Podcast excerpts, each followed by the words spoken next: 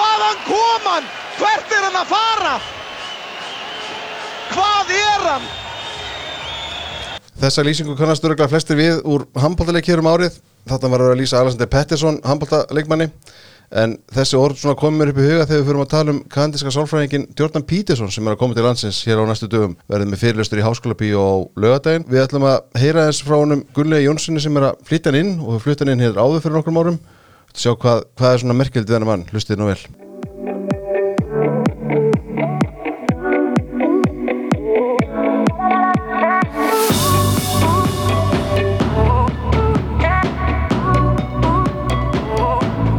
Þetta er velkomin Gunnlaugur. Takk, Takk fyrir að koma. Þú ert náttúrulega á fullu að undirbúa komu Jordans já, þessa dagana. já, Hvernig gengur það?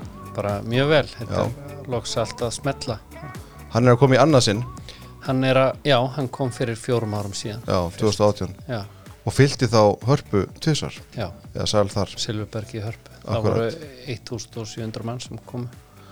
Voru það betri viðbröðið áttur vona þá? Já, já, já. Ég fyrst teki eftir honum þegar einhver deilir efni með honum á Facebook.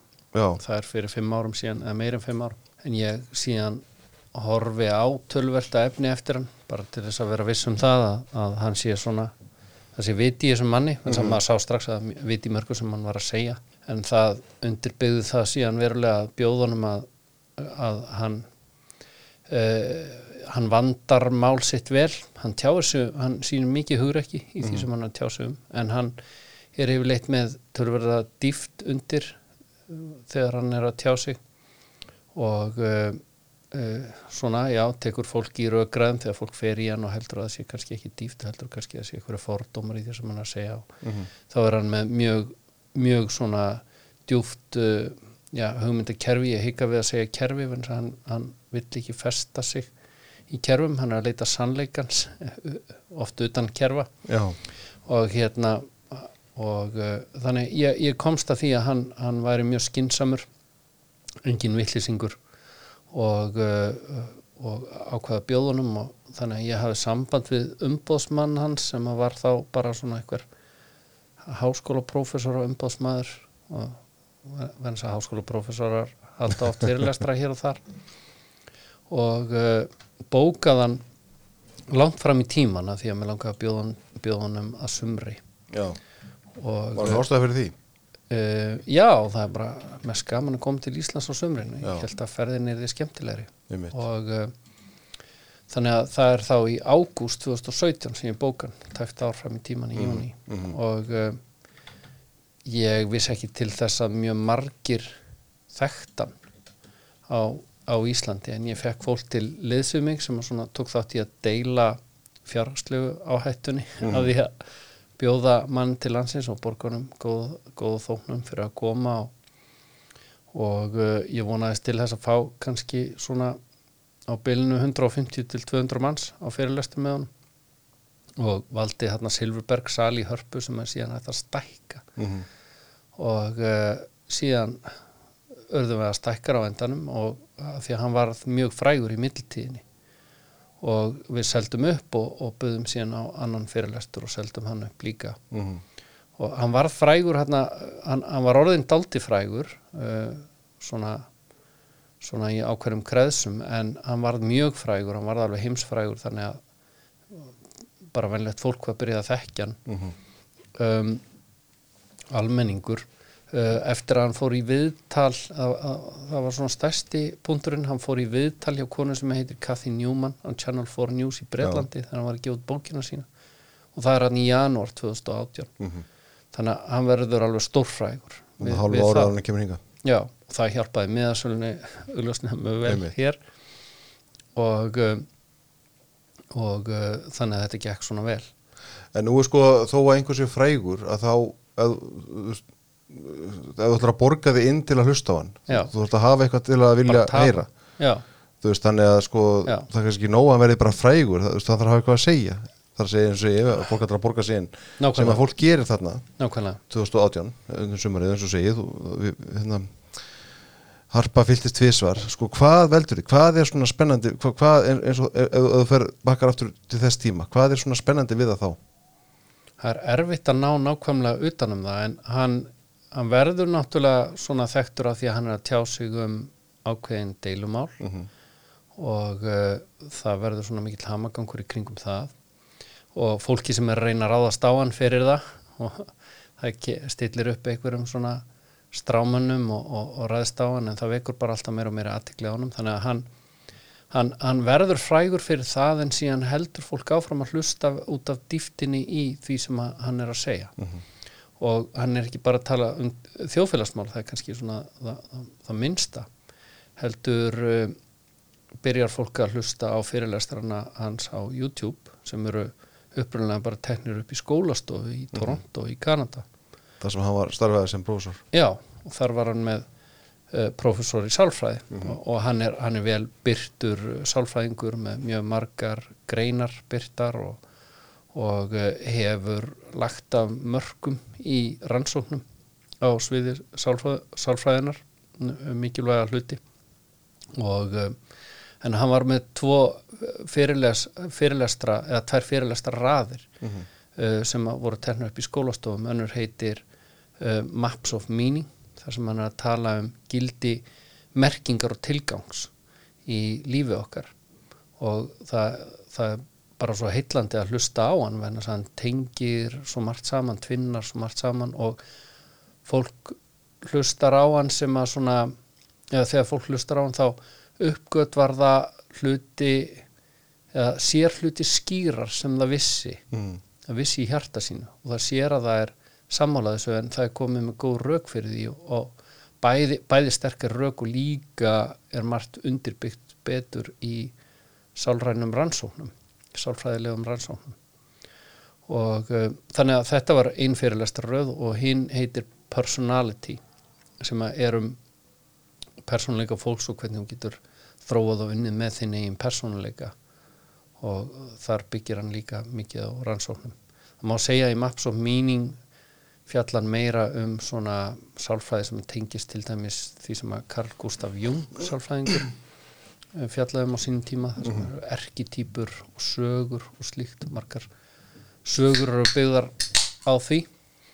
Um, og, og reyndar, já, það er ekki endilega byggðar á því heldur er byggir fólk sögur á erkitýpum og minnum úr úr, uh, úr já, úr, úr fornri sögu mannkins þannig að og mikið af þessu er að finna í trúabröðum en, en líka í gömlum bókmentum og, og nýjum en er hann sko ég meina hann einhvern veginn þegar hann verður já skulum nota orðið frægur eins og Já. gerir ráðan að hann verðist höfða til kallmanna meira.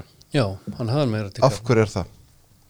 um, kannski sérstaklega ungra kallmanna Já um, hann uh, hann hjálpar þeim að taka til í lífi sínu. Hann hjálpar þeim að taka ábyrð, axla ábyrð og, og vera betri menn. Um, ég held að einn vinur minn sagði að þetta væri að því að hann hafi verið að fara í jóka sem að konur er að ta, uh, hérna, þar sem eru flestir flestir sem er í jókatími með hann voru konur er, og, en hann komst að því að Jordan Peterson var að tala um margt að sama og konundan var að tala um í jókatímanum ok, og um, þar eru þær að tala um, um til dæmis jafnvægi í lífinu og, og fleiri hluti sem að sem að kallmenn einhverja hluta vegna hafa kannski vanrækt. Þannig að það má kannski segja að hann sé búin að taka það að tala um tilfinningar skilja sjálfan sig uh, og setja það fram á einhvern máta sem höfðar betur til kallmanna heldur en áður. Þannig að ég held að í grunninn sé þetta ekki umfjöllunarefni sem höfðar meira til kallmanna heldur uh, venn að hann er að tala um tilfinningar heldur en að taka það og, og færa kallmönnum betur þannig að þeir skilja það betur. Og margir eru að vakna betur uh, gagvart slíkum hlutum. Og sumir eins og til dæmis uh, ákveðnir hópar feministar til 50 mismunandi skilgreiningar á, á því hvað feministi er en sumir hafa ráðist á hann uh, og, og nota þetta til dæmis sem röka að kallmenn vilji meira hlusta á hann. Og séu fleiri í áhrifendahópnum það eru kannski svona 85% kallmenn og um, en uh, sannleikurinn er sá að hann er að gera þá uh, næmari. Uh, og, kvenlegri en gæsa lappa ef við notum svona stereotypuna þá. Og um, og hann er að gera það á betri mönnum. Til dæmis betri mögum fyrir, fyrir konur, hann er að hjálpa þeim að axla ábyrð ábyrgari mögum og feðrum. Já, og konur sem að, konur sem að þekkja til Jordans Petersons uh, þær reyna að íta mönnunum sínum út í það að hlusta á hann. Sem er merkilegt að því að og við kannski komum aðeins inn á svona gaggrinni á hann hérna aðeins og eftir en, en það sem þetta gerist þannig líka er að það er annar maður sniður sem að hérna, þú, þú ákveður að flytja inn en, en, en Jó- Jónas Sigurgjörsson í almenna bókafélaginu ákveður að þýða bókinans Já, 12 lí, lífsreglur. Einmitt. og hún er komin út á íslensku þegar hann kemur til landsins þarna í sumarið 2018 einmitt, sem var mjög vel gert hún var bara nýkomin út. Já, já, bara, bara eld heitur prinsmiðinni Já, sko þessi bók verður meðsölu bók út um allan heim. Já, við getum sagt okkur aðeins frá henni bara þannig að hlustundur áttu sig á sko, hún, hún aðgræna sér svo sem ekki mikið frá því sem hann var að segja í sínum fyrirlesturum en, en hún kannski tekur utan um það betur. Já hún, hún tekur utan um ímislegt sem hann er að segja í fyrirlestrunum. Uh, hann hafði upprunnilega að byrja að skrifa lífsreglur setja svona ímislegt sem hann er að segja á það form.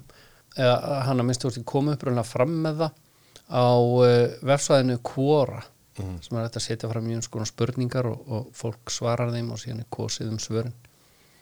Og uh, það var eitthvað sem spurði hvað eru góða reglur fyrir lífið? What are, good, what are some good rules for life? Og hann skrifaði svo upp spurning. Já, og hann skrifaði 42 reglur þá.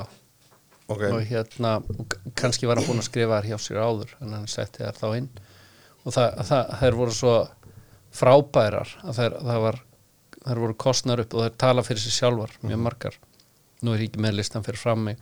Og ég man ekki eins og hverjar þeirra rautuð í 12 regla bókina nákvæmlega. Ég, er, ég er ekki múin að rifja upp hérna rétt áður en ég settist niður hjá þér. En um, þannig að hann talar daldið út frá þessum reglum en síðan fer hann um, um víðan völl um hverja einustu reglu og tengir við mjög margt í lífinu. Þannig að hver regla er mjög djúp. Það er margt, margt í henni. Og það, það er eitt af því sem að höfðar til mín að hann svona hann fer á dýftina og þannig að manni finnst maður skilja hluti sem að maður vissi. Og uh, getur útskipt það eitthvað betur Já, ég, ég held að fólk viti hvað er viturlegt að gera oft í lífinu. Þú bara finnur það svona daldi í hjartaðir og, uh, og heilin getur stundum verið óvinnur. Það það sem að gerist er að bara tökur sem dæmi svona utopískar uh, uh, stefnur eins og uh, kommunisma uh, marxismin það er, það er eiginlega svona svið þar sem að heilin er búin að fara með fólk á hættulega slóðir. Af því að hann er búin að búa til eitthvað svona kerfi sem að honum finnst ganga upp en er rámt og er gegn allri visku kynnslóðana og gegn öllu sem að allir vita í, í hjarta sínu. En fólk verður svo hrifið af svona kerfum. Það er eitthvað sem gengur upp, þetta er aldrei eins og þegar kapall gengur upp, fólki finnst það ganga upp reyndar er marxismi kapall sem ekki gengur upp. Og um, en, en fólki finnst hann ganga upp og þannig að fólk verður mjög hrifið af því og verður hrifið af kerfinu og móti raunveruleikanum. Og þannig hefst svo barátta. Marxismin, gott dæmi um það en bara uh, meir en aldar barátta raunveruleikans við einhverja utopíska hugmyndafræði. Og það sem að raunveruleikin sigrar alltaf og svona, með, með tímanum. Og, uh, en það sem að gerist er það að hann höfðar daldi til þessara neyður okkar til þess að reyna að skilja hluti á svona vitsmunulegan hátt. Uh, og, og þannig að hann, honum tekst að útskýra á mjög marga vegu hvernig hvernig uh, þessi viska kynnslóðana uh, skiptir máli á, á hann vitsmunulega hátt. Þannig að hann höfðar, höfðar daldi til þess. Maður, maður hefur báðar þessar hliðar í sér. Uh, maður vill maður vill uh, sem sagt uh, daldi skilja hlutina. Uh, A leiði til B og B leiði til C svona, þú veist, daldi starfræðileg hugsun oft uh, sem getur verið hættuleg ef, að- ef að hún er ekki no, ef að hugtökin er ekki rétt skilgrind og allt það. Og maður vill skilja uh, en maður er líka með, með hina sína þessa visku sem að er svona sem eru til dæmis reglur uh, um, um hvað er skinsamlegt í lífinu og þú áttar þig ekki alveg á því hvers vegna en þannig er hann að tengja þetta tvent saman. Og þú áttar þig á því hvers vegna viska kynnslóðana er skinsemi og, og þannig held ég hann svarið aldrei nútímanum. Nútímin hefur pínlítið snúið gegn visku kynnslóðana vegna þess að við höfum ekki skilið hana. Og þess vegna held ég að hann sé mjög mikilvægur núna í dag. En er hann ekki svolítið að tala líka bara gegn hérðhegðun af því að við, við, við eigum það til og ég meina marxismin er kannski eitt dæmi og slíkt það sem að hérna við einhvern veginn leitust eftir því bara þá, þá, því sé við þá meina bara mannkinnið að láta einhvern annan gera hlutina fyrir okkur eða setja upp reglunar í kringum okkur. Við getum verið að við séum of upptíkin af því að, að taka ekki ábyrð okkar eigin lífum heldur láta einhver aðra sjá um að leggja okkur lífsreglunar er hann ekki svolítið að tala gegn því? Jú, hann er, hann er sannarlega að tala gegn því. Hann talar gegn hóphugsun af öllu tægi og hann er mjög næmur á hana þegar hún kemur fram og en það er hún augljós. Þegar þú ert búin að fylgjast með þessu í einhver, einhver tíma þú sérð alltaf þegar það er eitthvað upplaup út af einhverju máli þú finnur andan í kringum það og, og, hvernig fólk er að hugsa fólk er ekki að hugsa sjálfstætt það apar hluti upp eftir hvert öðrum.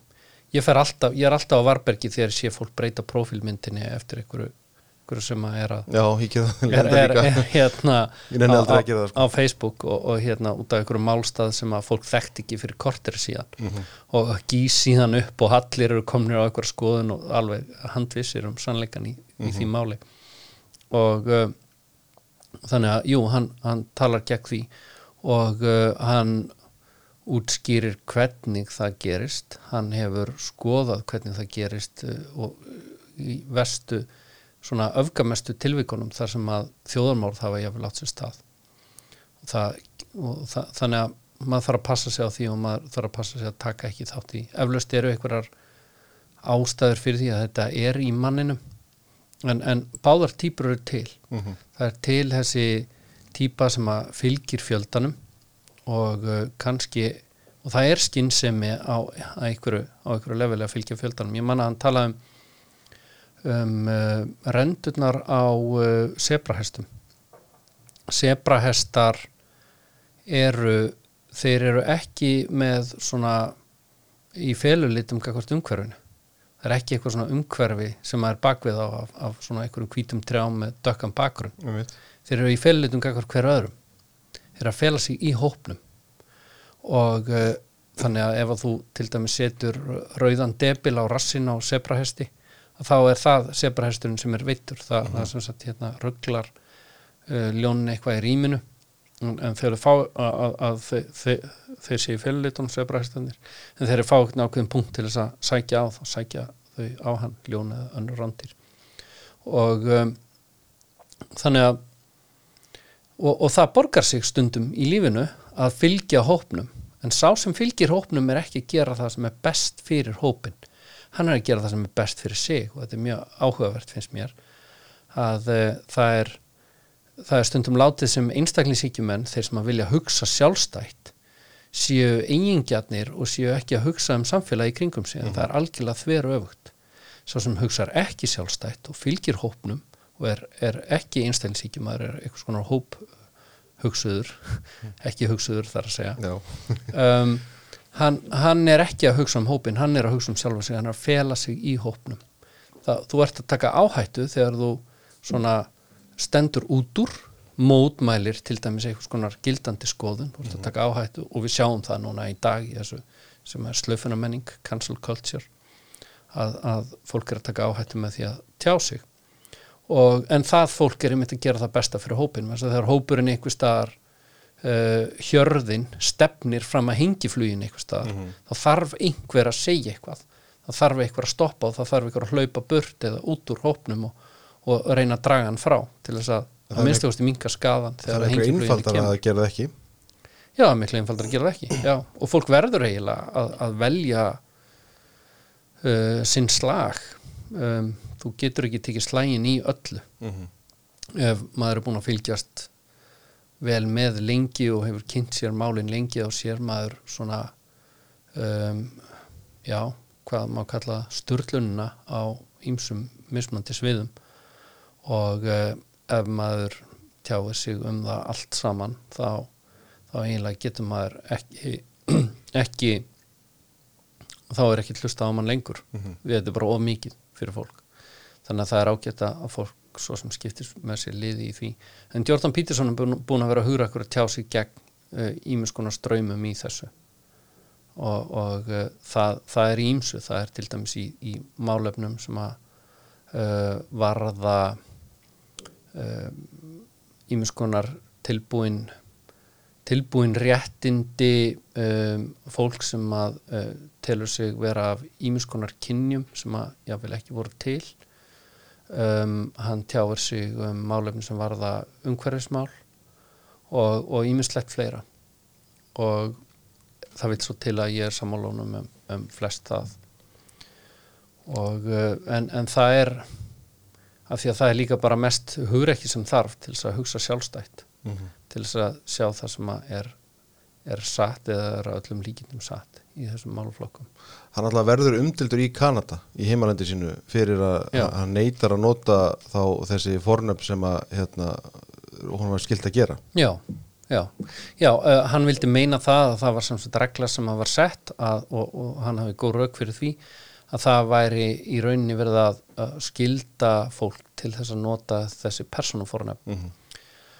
um, og þá er verið að búa til nýtt kyn í tungumálinu mm -hmm. en ekki bara að ykkur segist vera af ykkur þriða kyni eða hvað mm -hmm. það er og það er alveg sjálfsagt að, bara hvað sem fólk vil ef fólk vil eh, skilgrinn segja ykkur þriða kyni það er alveg, alveg sjálfsagt eða fjórða eða fymta en það þýðir ekki að maður er að vera sammálaðum mm -hmm. um að það sé skinsamlegt um, í mörgum tilvíkum er að um að ræða annan vanda og hann er sálfræðingur sem að tala um það reynslu um, er um að ræða einhvern annan vanda hjá fólki sem fólki er að reyna að takast á við með einhverjum svona skilgreiningum í einhverja hópa eða, eða fá einhverja sérstöðu eða fórnalampstöðu og um, út frá fórnalampstöðunni er mjög stutt í svona um, ég vil frekar nota enska hugtaki svona heldur en íslenska af því að það nærði betur svona totalitarian tendensa mm -hmm. þá er ég að tala um sálræna totalitarian tendensa mm -hmm. og hann tala mikið um það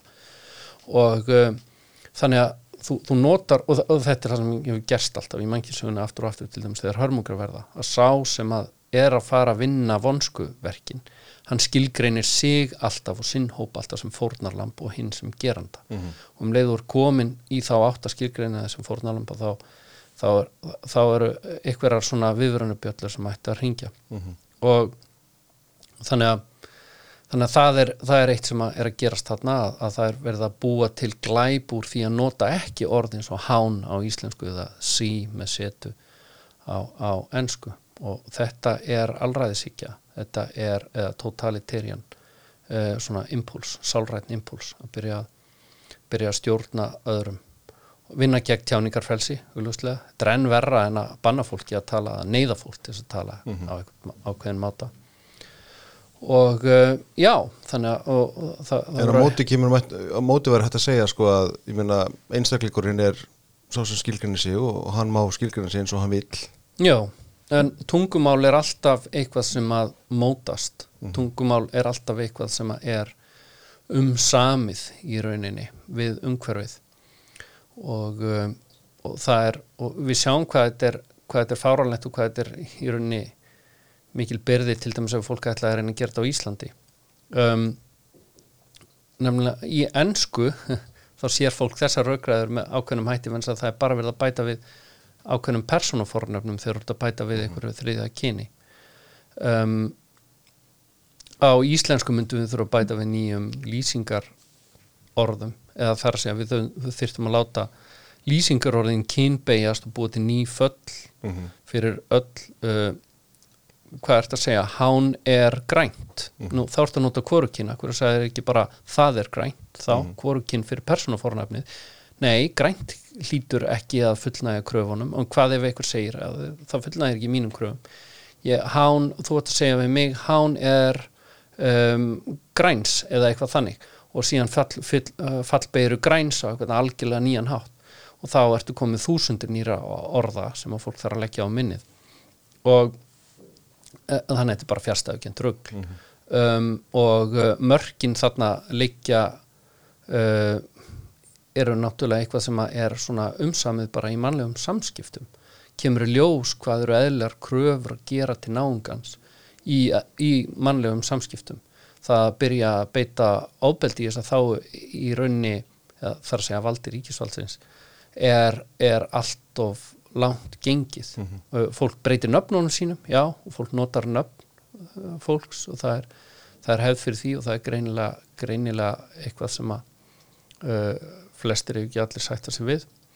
Og um, þannig að en, en það má segja að þetta hafi raut, raut flagg eða viðvörun að bjalla um að það væru svona totalitarian kvatir sem væru þarna að baki sem er akkurat það sem við um að vera á varbergi gagvart Eitt af það sem hann hefur mikið talað um er og ég kom aðeins inn áðan var sko ábyrð kallmanna Já. að, að, að, að, að eigimenn og feður og bara einleifi kallmenn líka takja ábyrð á sínu lífi. Já, og, og sinni þeirra ábyrð sko hver er, hvar, hvar líka mörkin á því sem að má heita það að taka ábyrð á sínu eigin lífi og, og sína þá innan gæðslapa karlmennsku eins og Já. hann hefur svo sem talað um. Hvar líka mörkin á milli þe- þess og þess, því sem er kallað er eitruð karlmennska? Um, já uh, hann hefur ekki verið hrifin af hugtakinu eitruð karlmennska en það má þó segja það að eitruð karlmennska sé sé eitthvað fyrirbærið þar sem einmitt karlmennsku vantar um, karlmennska er daldið að, að sína styrk og þeir sem eru eitraðir, þeir eru veikir. Það eru veikleikar í þeim sem gera það að verkum að þeir, þeir uh, hafa ekki styrk gagvart til dæmis neikvæðum impúlsum í sjálfum sér. Hann fjallar til dæmis um það eins og Solzhenitsyn að að línan á milli góðs og ills leikur í gegnum hjarta sér hvers manns. Og ef við skiljum það ekki þá getum við ekki verið góðir. Hann segir að að góður maður sé ekki maður sem er einhvern veginn frá náttúrunar hendi al góður, heldur maður sem er líka skeppna en hefur algjör stjórn á því af því hann skilur sig. Hann er með skilningi á sjálfum sér þá verður maður góður maður. Um, góður maður náttúrulega fylgir uh, prinsipum og skilur hvað er virðing og, og góð framkoma við annað fólk. Uh, auðvitað skapast ímins konar núanseraðar kringumstæður þar sem að þú þart stundum að sína tennurnar í samskiptum við fólk um, og, og í því verða alltaf einhvers konar mistök í öllum samskiptum fólks, kalla og hvenna ég verður reyndar að taka fram að, að hérna já, að, að við það að skilgrunni karlmennsku daldi þannig að það sé að sína mikinn styrk sem ég reyndar ekki vissum að sé hans skilgreininga þá, þá er mjög margt sem konur gera karlmennska og mjög margt kvenlegt sem konur gera karlmennska í þeim skilningi en, en já, góður, góður karlmaður er, er maður sem að, sem að sína styrk og, uh, og við eigum eins og við uh, og það munur á styrk og ruttaskap sko. við að átt okkur á því veist, það er ekki verið að tala um ruttaskap eða, eða, eða ofbeldi eða veist, að, að vera eitthvað föyti sko. hann, hann er ekki að tala fyrir því einmitt, einmitt. hann er aldeilis ekki að tala fyrir því og, en hann bendir hins vegar á það að, að í fautaskapnum er grundvöldu fautaskaparins er ofta eitthvað skonar veikleiki. Mhm. og, og það er eitthvað að fólkinu sem að þannig lætur. Uh, karlmennska er hins vegar gríðalega mikilvægt það er mjög mikilvægt að hafa styrk til þess að berjast áfram. Um, og karlmenn eru oft sendir í, við sjáum til dæmis bara raunveruleika núna í stríðin í Úkrænu og það eru karlmenn, karlmennum er bannað að fara úr landi í Úkrænu, karlmenn á aldri þannig að þeir geti barist. Konum og börnum er ekki bannað að fara konurnar fara með börnum. Og þannig kemur raunveruleikin, þannig mætir raunveruleikin á svæðið eftir að við erum búin að vera svona tala í einhverjar aðrar áttir bladra eitthvað síðustu ár, það bara af því að það er stríð þá sjáum við, já ok, við þurfum að nota kallmenn til dæmis í þetta. Og hvort er betra að vera kallmaður sem deyr á vígvellinum? Það er náttúrulega hörmung að vera kona sem ákarl til dæmis eða föður eða son sem mm deyr á, deyr á vígvellinum en, en hérna þannig að þannig að hvort tvekja er, er algjör hörmung en, en hlutunum er algjörlega lokið náttúrulega fyrir þeim sem að deyra á vígvellinu og það er kallmenn sem taka það á sig. En ekki bara það, kallmenn er í miklu hættulegri störfum. Það er me- meiri svona varians, svo ég noti tænlegt hugtak á, á kallmennum í ímiskonar einleikum það er bæði til uh, kallmenn geta er, er í báðum endum rófsins meira heldur um konur sem sést til dæmis á því að, að það eru fleiri kallmenn sem hafa lotið Nóbelsvelun uh, á meðan það eru líka miklu fleiri kallmenn sem eru í fangelsi. Uh, það eru fleiri, fleiri kallmenn sem eru, eru mjög greindur og fleiri kallmenn sem eru mjög heimskir. Og, og svo kollakolli kallmenn eru, eru meiri öfgamenn en konur. Og síðan tengist það aðeins þessum í hörðina áðan að uh, karlmenn slíta sig frekar frá hjörðinni heldur en konur af því að konur mögulega er þetta út af líkamlegum uh, veikleika þeirra með að við kalla að þær hafa frekar þurft að njóta vendar annara og staðsýta sig með þá, öðrum þá. Bara getum mangi söguna Já, gegnum mannkísuna og, og, og lengra aftur. Þannig að þannig að já um, uh, við, við eigum eins og, eins og við uh, við uh, já ekki upphefjum heldur, heldur virðum uh, stórkostlegt hlutverk uh, kvenna uh, að þá eigum við virða hlutverk karla líka. Og við eigum líka að skilja það að fyrir langt flest fólk er þetta er, er einhvern munur á kynjunum. Það er þannig að það eru til konur sem eru kallmannlegri en flesti kallar og það eru til kallar sem eru kvenlegri en flesta konur. Og síðan er það núansera hvað er kallmannlegt og hvað er kvenlegt og allt það. og, og það er ekki einhverja svarkvítar línur í því. En, en við eigum að skilja það að kynin eru misjöfn af einhverju ástæðu. Það er eitthvað, það er eitthvað hlutverk þarna og það er sem, sem að karlar hafa gagvart konum fyrir konur og hlutverk sem konur hafa gagvart körlum og, og fyrir karla og fyrir börn og karlmenn fyrir börn líka. Og um, þannig, að, þannig að það er eitthvað samhengi hlutana þarna sem er náttúrulegt maðurinn er náttúrulega þannig að við erum með heila sem er s- sveigjanlegur. Við getum lært ótrúlega hluti og við getum breytt okkur á margan hátt. En það er eins og til dæmis á, á sálræna sveðinu að við lendum í vandræðum þegar við reynum að breyta of mikið. Eh, það er að segja þetta er alltaf uh, þetta klassíska spursmálum hvað er, hvað er sem sagt náttúrulegt og hvað er umhverfi í, í manninu umhverfi getur verið mjög mikið en það getur ekki verið allt og þú verður að vinna með það sem þú hefur. Þú verður að vinna með það hver þú ert. Og þar hefur sálfræðin mjög mikið að segja. Þannig að þar hefur verið rannsakað mjög margt um mannin og hvernig hann fungerar. Og ef við vinnum með það hvernig við erum, fyrir mann að fara einhvern veginn eins og hlaupandi á vegg í einhverja svona útópískar hugmyndur um að ég geti verið bara hvernig sem er um, að þá, þá náum þá náum við meira árangri. Eitt, eitt annað sem hann líka talað um er, er sko bara orðið svo dugnaður og eljusimi tengist því sem vorum sem segja með kannski kallmenn en það hefur náttúrulega verið einhvern veginn ég ætlum ekki að fullir að það að það sé að vaksa hér úr, kynslu, úr grasi kynslu sem að er týrætlunarsum en, en við sjáum satt alltaf meira og meira af ákveðin týrætlunar sem í fólki sérstaklega ungu fólki sem vil sko ekki bera ábyrðin en, en vil hafa réttindi. já, og hérna og, og það þessi týrætlun sem er snýr oftar en ekki að ríkinu eða ríkisvaldunum einhverjum hætti. Veist, ríkið eða sveitafélög á að útvega þér ákveðin hluti ákveðin réttindi sem þú átt að hafa og svo, og svo framvegis. Að að þú byrjar nokkur ábyrð sjálfur. Hver er afstæðans í þessu, þessu? Þú fattar hver að fara meina, já, hann tala líka bara um mikilvæga ábyrðanar fyrir þig, sálarlega það sem hann er eins og í fyrirlistarröðinu og bókinni með sama nafni Maps of Meaning, já, kort uh, tilgangs. Já, um, kortlagning tilgámsins kortlagning tilgangsins já. Uh, þar uh, talar hann um mikilvægi uh, þess að axla ábyrð í raun og veru fyrir þína velferð fyrir þína veljan þú, þú finnur tilgangi öllu sem þú ert að gera. Og ég geti trúa því að mjög stór hluti af sálrænum vandamálum nútímans, tunglindi og fleira sé til komin en þess að fólk er ekki að finna hann tilgang. Fólk er dottið í fórnarlamps gýrin er með einhvers konar afsakanir fyrir því síðan er að það er alltaf að einhverju leiti lögmætar. Mm -hmm. þú getur alltaf fundið einhverju lög, uh, heimurinn er ekki alveg réttlátur. En, en, en þetta líf gengur út á það að við þrátt fyrir það höldum áfram, keik og reynum að gera okkar besta og uh, bæta heiminn og þurfum að finna tilgang og, með því þá bætum við okkar líf líka í leiðinni. Og vonandi annara Já, uh, sannarlega annara um, ha, uh, Jordan Peterson tala til dæmis um mikilvægi þess að, að, að það sem þú ert að gera þú, þú ert í harmoníu. Þegar það sem þú ert að gera uh, hagnast þér hagnast fjölskylduðinni og svona aðeins ytri ringi kringum þig vinum og síðan samfélaginu og, og, og, og uh, mannkinni í heilt svona mismöndir ringir ef við tekst að fást við eitthvað sem er gott á öllum þessum stegum þá ert að gera þá, er harmonía í öllu. Þá, þá eru hlutinir að ganga vel upp.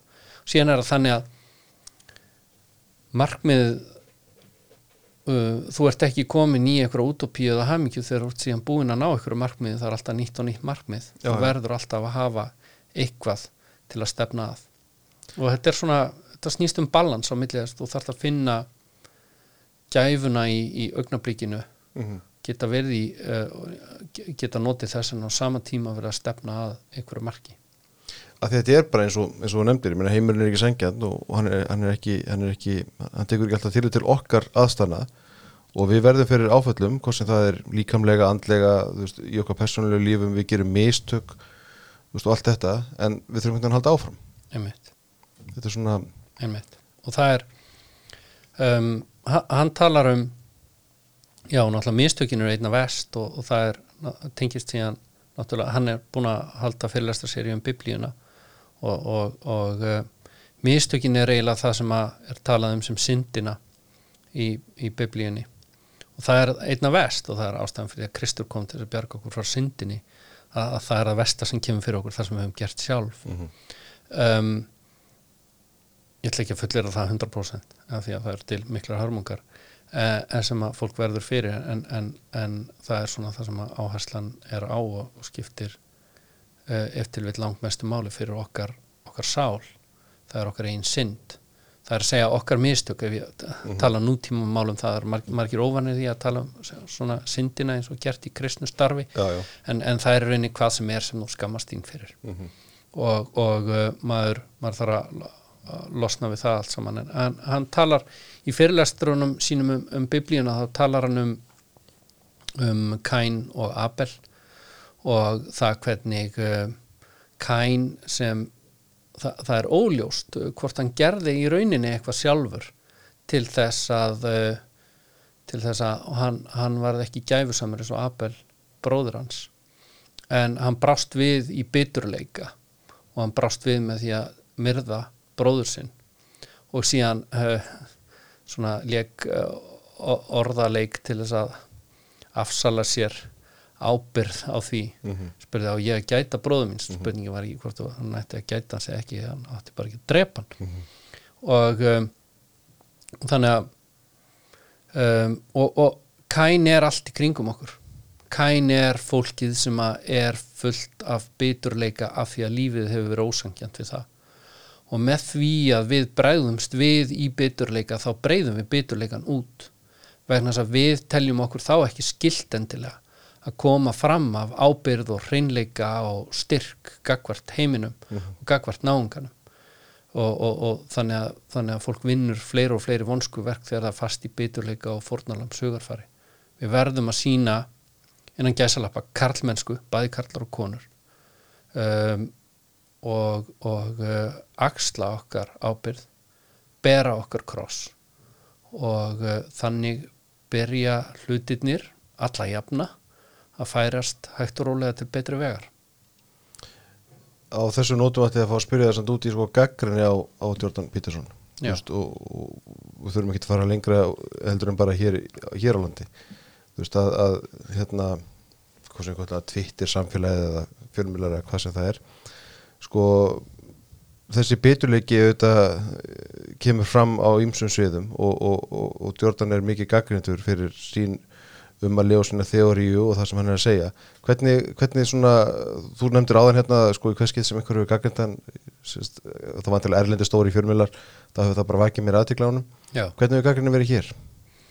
um, Ég var að játa ég fylgist svo lítið með Twitter uh, þannig ég, ég hef lítið séð á því um, Þú ert lausið þann bakka Já, ég, ég postaði á Twitter um fyrirlestun og sagði að þarna væri tækifærið þeirra loksins til að kynast því sem að hann stæði fyrir. Þannig að ég, ég, ég hef ekki rekist á neina almennilega gaggríni, ekki þannig. Um, og ég man fyrir fjórum árum að þá greinlega það var skipulögð í einhverjum hópum á, á Facebook, einhver svona árás á hann.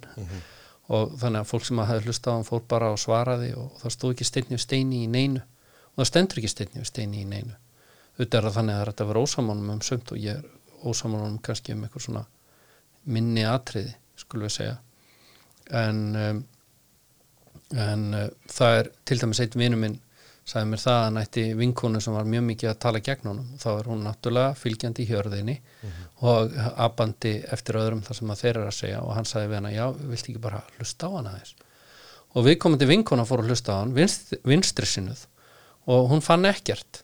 Eða að minnstu veist nánast ekkert sem að hún, hún var ósamála og ekkert eitthvað móðgandi eða neitt þannig. Ég sem var eitthvað reyði yfir og síðan var hún bara aðdáðandi hans líka.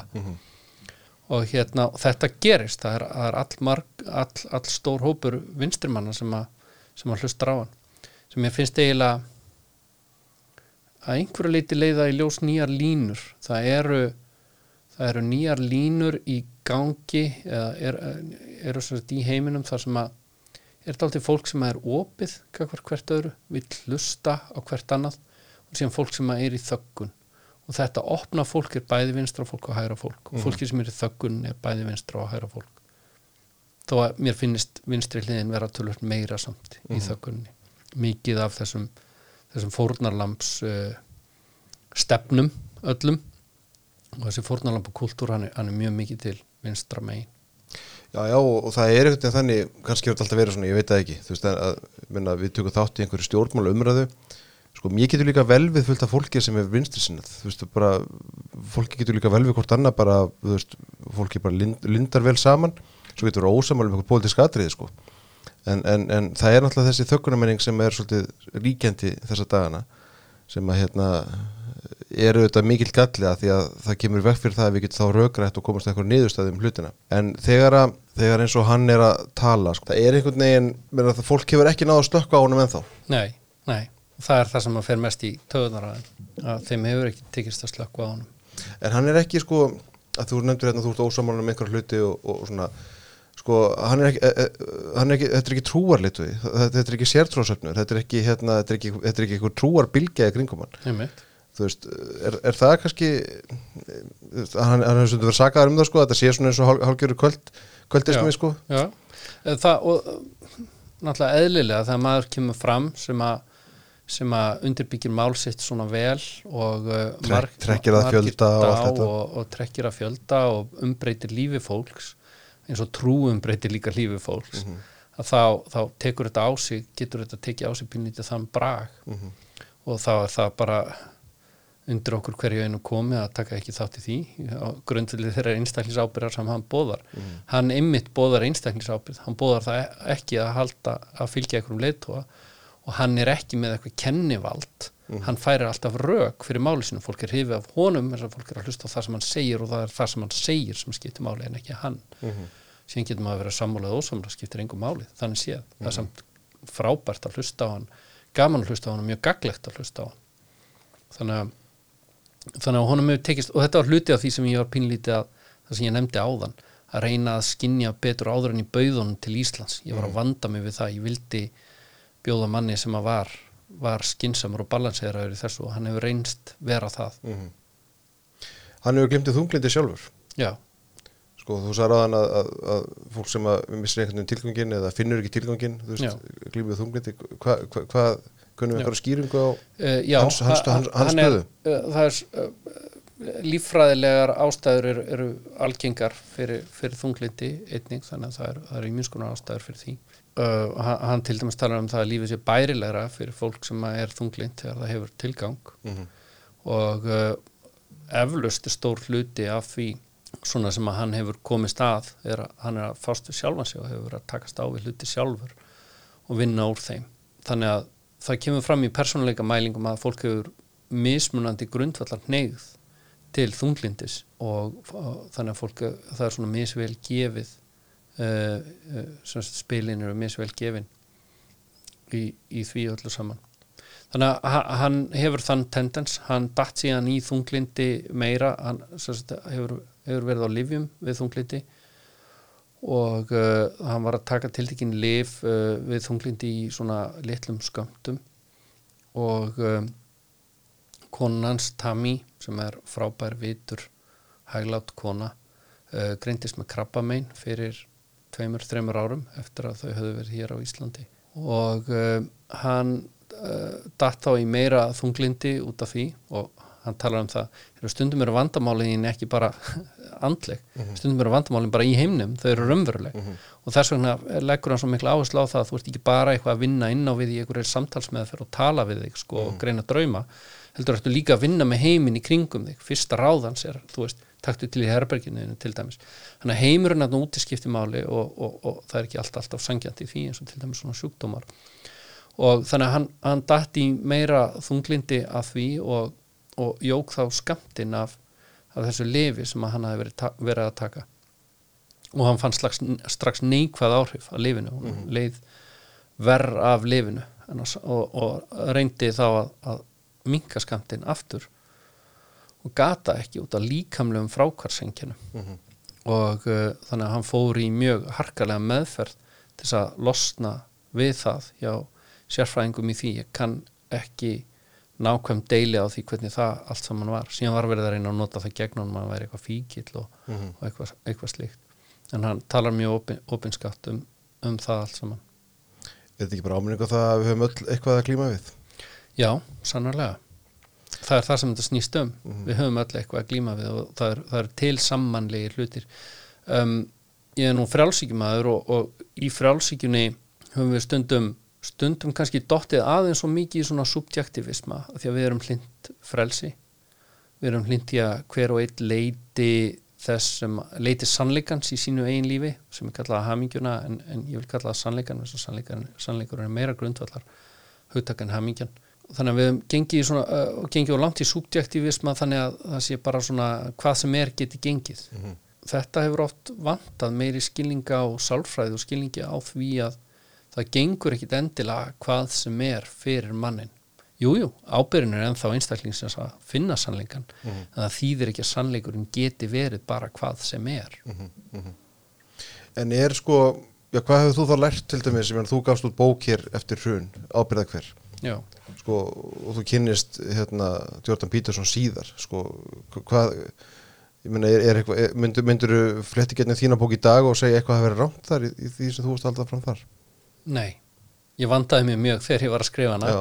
og þegar ég, ég, ég tók þrjú ára í að skrifa hana og þegar ég er kannski ekki rétt orðið sko heldur meina svona, þú veist, Já. ef ef þú margt sem- þróast síðan? Já, marg, mjög margt sem hefur þróast um, en ef ég ætti að lýsa því þá sko, og það tengist í hvernig ég skrifaði hana. Þegar ég var komin of langt í að skýra hluti og koma með kannski fullir það eitthvað þegar ég var að vinna bókina þá bara dró ég úr því og sagði bara það sem ég vissi hún tengist reyndar sína reglu Jordan Peterson sem er be precise in your speech. Ekki, ekki, og, og það er regla sem hann fylgir mjög vel. Hann lætur ekki leiða sig í gildur með því að láta sig fullir það eitthvað sem hann veit ekki. Þannig að ábyrðar hverið hefur mjög margt að segja bókin mín uh, um, um ábyrð og þá nálgun í lífinu.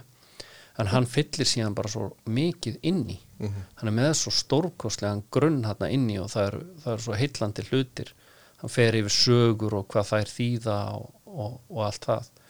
Þannig að það, maður verður alveg svona húgt svo í sletti á að, hlusta á margt af því sem hann segir. Þannig að það fyllir mjög mikið inn í.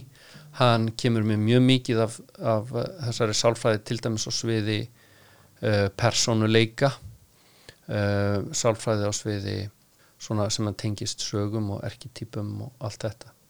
Þannig að, þannig að ég, ég myndi skrifa bókina mína öðruvísi í dag en, en ekki, ég myndi ekki draga neitt tilbaka. Þetta var allt mjög vandað.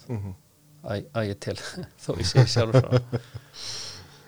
Sko, kannski í lokin við höfum séð aðeins hérna svona síðustu, já má ég segja mánuði, maður hefur séð hann aðeins, hann er svona aðeins aggressívari í, í pólitísku umræðu. Já, sko, hann hefur ekkit endilega sé- sérstaklega í pólitík.